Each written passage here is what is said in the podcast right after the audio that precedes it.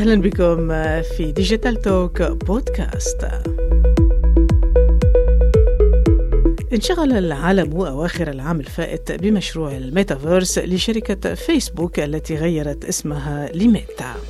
كثيرون يعتقدون أن الميتافيرس هي عملية يائسة لتحويل الانتباه عن التراجع الحتمي لفيسبوك الذي تسببت فيه الملفات الداخلية المسربة لما عرف بال Facebook Files والتي كشفتها الموظفة السابقة في فيسبوك فرانسيس هوغن والتي قدمت أدلة واضحة عن التصرف غير المسؤول لإدارة فيسبوك سعيا لتحقيق الربح. فليس فقط القواعد التي وضعتها شركة فيسبوك لحماية مستخدميها تطبق بشكل سيء.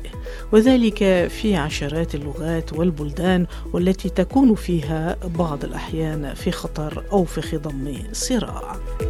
أما الميتافيرس حسب مارك زكربرج تقنية ستحل محل ال mobile internet. علما أن الميتافيرس ليست فكرة جديدة أخرجها مارك زكربرج من قبعته. الواقع الافتراضي والواقع المعزز تقنيات معروفة في إطار المعالجة النفسية وأيضا في مجال التدريب والتعلم والتمارين المهنية على سبيل المثال للطيارين والأطباء الجراحين. وأيضا في الألعاب الإلكترونية التي تستخدم العالم أو العوالم الافتراضية بشكل كبير من Second Life حتى Minecraft و Fortnite وغيرها. لماذا يحاول مارك زكربرج إذا السيطرة على هذه التقنية؟ ونحن نعرف فشله في حماية المستخدمين في العالم الواقعي وتحول منصته إلى خطر ليس فقط على الخصوصية بل على الحياة البشرية والديمقراطيات. فكيف له في حال عدم تغيير نموذجه الاقتصادي أن يقترح عالما افتراضيا آمنا وبيئة افتراضية سليمة بعيدا عن الجشع والربح المادي قبل الكرامة البشرية والمزيد من حصد البيانات والأخطر بيانات السلوك البشري في الميتافيرس. في Digital Talk بودكاست أقترح حوارا مع عالم البيانات والذكاء الاصطناعي الدكتور أحمد العم لفهم أهداف فيسبوك وما هي الميتافيرس وما هي العلوم التي يبنى عليها عالم الميتافيرس. الدكتور أحمد العم عالم البيانات والذكاء الاصطناعي أهلا بك. آه، دكتور أحمد العم آه، كلمة ميتافيرس ومارك زوكربيرج الذي يود أن يدخل العالم في هذا العالم الميتافيرس العالم الافتراضي لكن آه، كثيرون يقولون أن الميتافيرس ليس جديدا وإنما هو قديم ولكن ما هو الميتافيرس بالتحديد دكتور أحمد العم؟ شكرا لك ستنا والمستمعين الكرام. الميتافيرس في البداية هي كلمة ممكن تكون بدايتها كانت في عام 92 آه، بأحد الروايات الخاصة في الخيال العلمي وهي موجودة ويوجد منها منتجات في أرض الواقع منذ تقريبا عشرات السنين أو 20 سنة أو أكثر. موجودة أدواتها في في الأسواق وتباع في الأسواق مثل النظارات الافتراضية وغيرها. فالميتافيرس باختصار اللي اللي بدنا نوصل له من خلال الفيسبوك أو التصور اللي بعد عشر سنوات راح توصل له الفيسبوك هو كيف جعل الإنترنت حيا. آه، والمقصود حيا أي من الحياة. أي بمعنى آخر هو كيفية نتعامل مع الإنترنت بثلاثية الأبعاد. إحنا الآن نتعامل مع الإنترنت سيدتي أنا وياك من خلال هذا الاجتماع أو من هذا اللقاء من خلال two dimension السمع والشاشة. الآن آه، الفكرة إنه الانتقال ال 3 دي أن نكون جالسين بجانب بعض ونتحاور ولكن أنت في بلد وأنا في بلد آخر وأنت تتكلمي لغة وأنا أتكلم لغة أخرى. فهو باختصار هو تحويل الإنترنت إلى ثلاثي الأبعاد لكي نستطيع أن ندخل إلى الإنترنت بمعنى آخر أن ندخل إلى الشاشة. بأجسام افتراضية ونبدأ أن نتعامل معها. هي موجودة بالفعل ولكن التطور اللي راح يحدث بسبب استثمار الفيسبوك في هذا المجال هو امتلاك الفيسبوك لكميات ضخمة وهائلة للبيانات اللي بنسميها بيانات ال behavior اللي هي بيانات السلوك البشري اللي هي كانت زمان تعتبر من الخيال العلمي أن تجمع ولكن الفيسبوك قد حصل عليها بأي طريقة شرعية أو غير شرعية ولكن هو حصل على هذه البيانات وسوف يكون خلال هذه المدة من خمس سنوات إلى عشر سنوات قادر إلى انتقالنا كأشخاص بنفس مواصفاتنا وبنفس خصائصنا إلى العالم الافتراضي ونبدأ نعيشه من خلال ممارسة عملية التعلم، من عملية اللعب، الاجتماعات، القراءة وغيرها الكثير. طب دكتور أحمد العام يعني كيف يمكن أن نتوصل إلى هذا الميتافيرس أو هذا العالم الافتراضي أو أن ندخل داخل الإنترنت يعني ما هي الأدوات بالإضافة إلى ال data بالإضافة إلى البيانات التي يجمعها. يعني ما هي الأدوات من جهة؟ ومن جهة ثانية أليس هذا يعني أسلوب جديد للتدخل في حياة البشر من قبل فيسبوك؟ وأنا لا أقول شركة ميتا وإنما أقول شركة فيسبوك أن yes. تتدخل في حياة البشر اليوم في كل مفاصله يعني حتى كيفية تفكيره. يعني كيف يمكن أن نتعامل مع الميتافيرس؟ آه، سيدتي بالبداية بس أفرق بشكل سريع بين الواقع الافتراضي والواقع المعزز اللي هي رح تعتمد نعم. عليها فكرة الميتافيرس الواقع المعزز خلينا نحكي فيه هو أني أكون في البيئة التقليدية البيئة الحقيقية ولكن أعمل إدخال مجموعة من المؤثرات عليها لأن أنا في هذا الاجتماع أنا خلفيتي تختلف عن الخلفية الظاهرة أمامكم فأنا أدخلت مؤثر على هذا الفيديو أو على الواقع فيسمح أو يسمى بالواقع المعزز زي عملية المضاف. نعم نعم المضاف أو عمليه السمايل أو السناب شات التغيرات اللي بتصير على الأشكال هاي تعتبر واقع معزز الواقع الافتراضي لا أنا أنتقل وأعيش في البيئة الافتراضية وأمارس عملية التعليم أو التدريب أو اللعب داخل البيئة الافتراضية كليا. فهو بناء في بيئة من 3 دي ثلاثية الأبعاد وأستطيع أن أعيش الحالة من خلالها مباشرة. العلم القائم على ذلك هو علم رياضي بحت أو علم رياضي مجرد وهو يطلق عليه اسم التوبولوجي.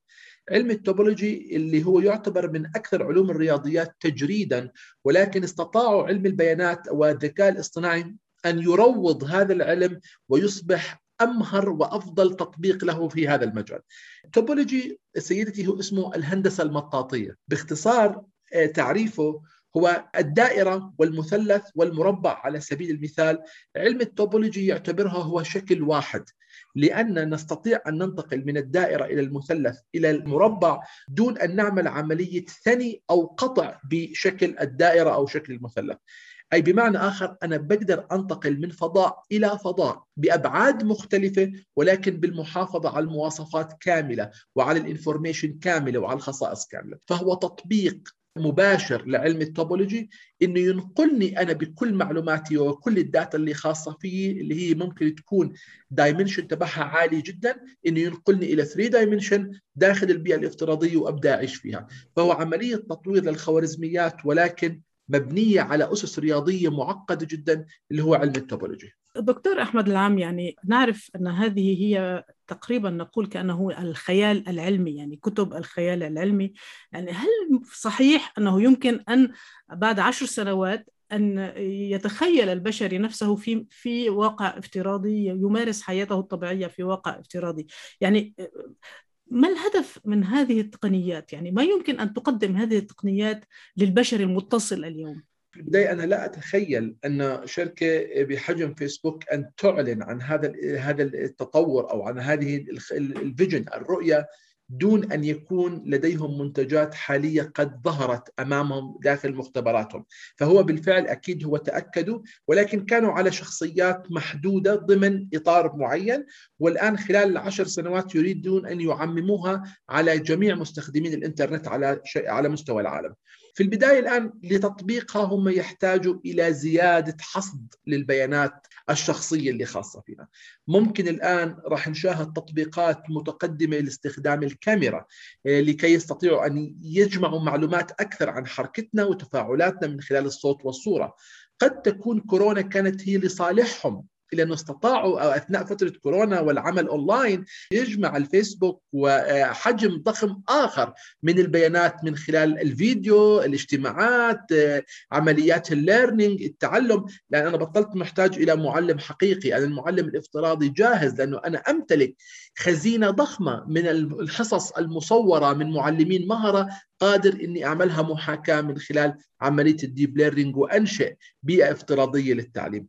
فسيدتي هذه النقطة الأولى أنه نعم ممكن أكيد سوف يتم الوصول إليها ولكن قد تكون تحتاج إلى فترة زمنية من خمس سنوات إلى عشر سنوات ولكن هو المنتج موجود حاليا 100% ولكن على شخصيات بسيطة جدا. الإضافات أو ما هي الغاية من فيسبوك أن تنتقل إلى هذه الفكرة؟ فيسبوك الآن أصبح في عليها انتقادات من ناحية التعامل مع بيانات العملاء وصار الموضوع مقتصر على خدمات الإعلانات، لا الآن هي صارت تنظر إلى الأعلى، هي تريد أن تسيطر على كل شيء، عملية الميتافيرس هو السيطرة على كل شيء، السيطرة على التعليم، على الصحة، على الأعمال، على التعلم، على الألعاب، كل مناحي الحياة، فهي تريد أن تسيطر على كل شيء في هذا العالم، يعني لا مجال للهروب، سوف نرتبط ارتباط وثيق جدا جدا جدا في فيسبوك أكثر علما انه يكون أنا ما بدي ولكن أنا مجبر على ذلك. لأنه ممكن المدرسة تلتغى ممكن العمل في الشركات يلتغى ممكن كثير من الأمور ممكن أن تكون قد انتهت من الحياة وأنا مضطرين أن ننتقل ونتحول إلى المجال الميتافيرس طب المستخدم إيش راح يستفيد؟ يعني أكيد في هي سيئات وسلبيات هذا لا لا مجال فيها ولكن قد يكون تقليل تقليل التكلفة. يعني يرجع فيسبوك يقدم خدمات منخفضة التكاليف ولكن ذو جودة عالية فأنا ما في داعي أبني مدرسة، ما في داعي مركز للتدريب، ما في داعي أبني استوديو، مكان للعب، فهو راح يسيطر بيئة ضخمة عنده، عدد ضخم من المجتمع، فراح يرجع يسيطر عليه تكاليف منخفضة زي ما سيطر على مجال الإعلانات ولكن ويحصد ويحصد الكثير من البيانات لتطوير الميتافيرس. ممكن يكون في البداية ليس على مستوى عالي ولكن ممكن خلال سنوات بعد الإطلاق نحصل على تفاعلات قد تكون من الخيال العلمي أو نحكي هي خيال علمي بالفعل. يعني دكتور أحمد العم يعني بما تقوله اليوم نحن نتجه إلى كارثة. يعني نعرف اليوم التسريبات آه، التي فضحت أسلوب عمل فيسبوك في التعامل مع بيانات المستخدمين ومع المستخدمين بشكل خاص والتهديد النفسي لمعظم المستخدمين المراهقين وأيضا كيفية التلاعب بمشاعر الناخبين والمواطنين وطبعا نظريات المؤامرة إلى آخره. يعني إلى أين نحن ذاهبون اليوم مع الميتافيرس؟ هنالك مشكلة أخلاقية يعني أنت كعالم بيانات والذكاء الاصطناعي والخوارزميات إلى آخره هي التي اليوم هي موضع اتهام. إلى أين نحن ذاهبون مع الميتافيرس ومع الذكاء الاصطناعي والخوارزميات وفيسبوك؟ 100% سيدتي الآن إحنا يعني جديد مثلا بالأردن تم تأسيس أو لجنة وطنية لوضع أخلاقيات الذكاء الاصطناعي. نعم. وقد نحتاج إلى سنتين إلى ثلاث لوضع الأخلاقيات والسياسات الخاصة في الذكاء الاصطناعي الميتافيرس الآن أنا أعتقد أنها تحتاج إلى سياسات دول لوضع ضبط لأخلاقياته وممارساته أنا الآن آه، ممكن أنتقل إلى جانب آخر من الإباحية. يعني الآن آه، أنا الأطفال ممكن يفوتوا إلى عالم آخر من الإباحية إحنا ما كنا نتخيله. إحنا كنا نتخيل الآن يكون هو عبارة عن فيديو أو صورة. لا ممكن ننتقل الآن إلى عالم آخر عالم مرعب. من ناحية الاباحيه، العنف، آه، كثير من الأمور يعني زي مسلسل آه، لعبة الحبار ممكن أن يصبح الطفل يمارس اللعبة من خلال الميتافيرس ويعيش الشخصيات مباشرة. يوجد مشكلة، يوجد خطر، نعم يوجد خطر كبير جدا ويجب التعامل معه من الآن لوضع الأخلاقيات. سيدتي في أمرين لازم نشتغل عليها من الآن. الأول الأخلاقيات تبدأ من الآن للميتافيرس. اثنين المحتوى سيدتي من هنا لعشر سنوات المحتوى الموجود حاليا لن يكون قابل للاستخدام من قبل الإنترنت لأنه عمليات الواقع الافتراضي والواقع المعزز تحتاج إلى محتوى ضمن تقنيات معينة للإنتاج.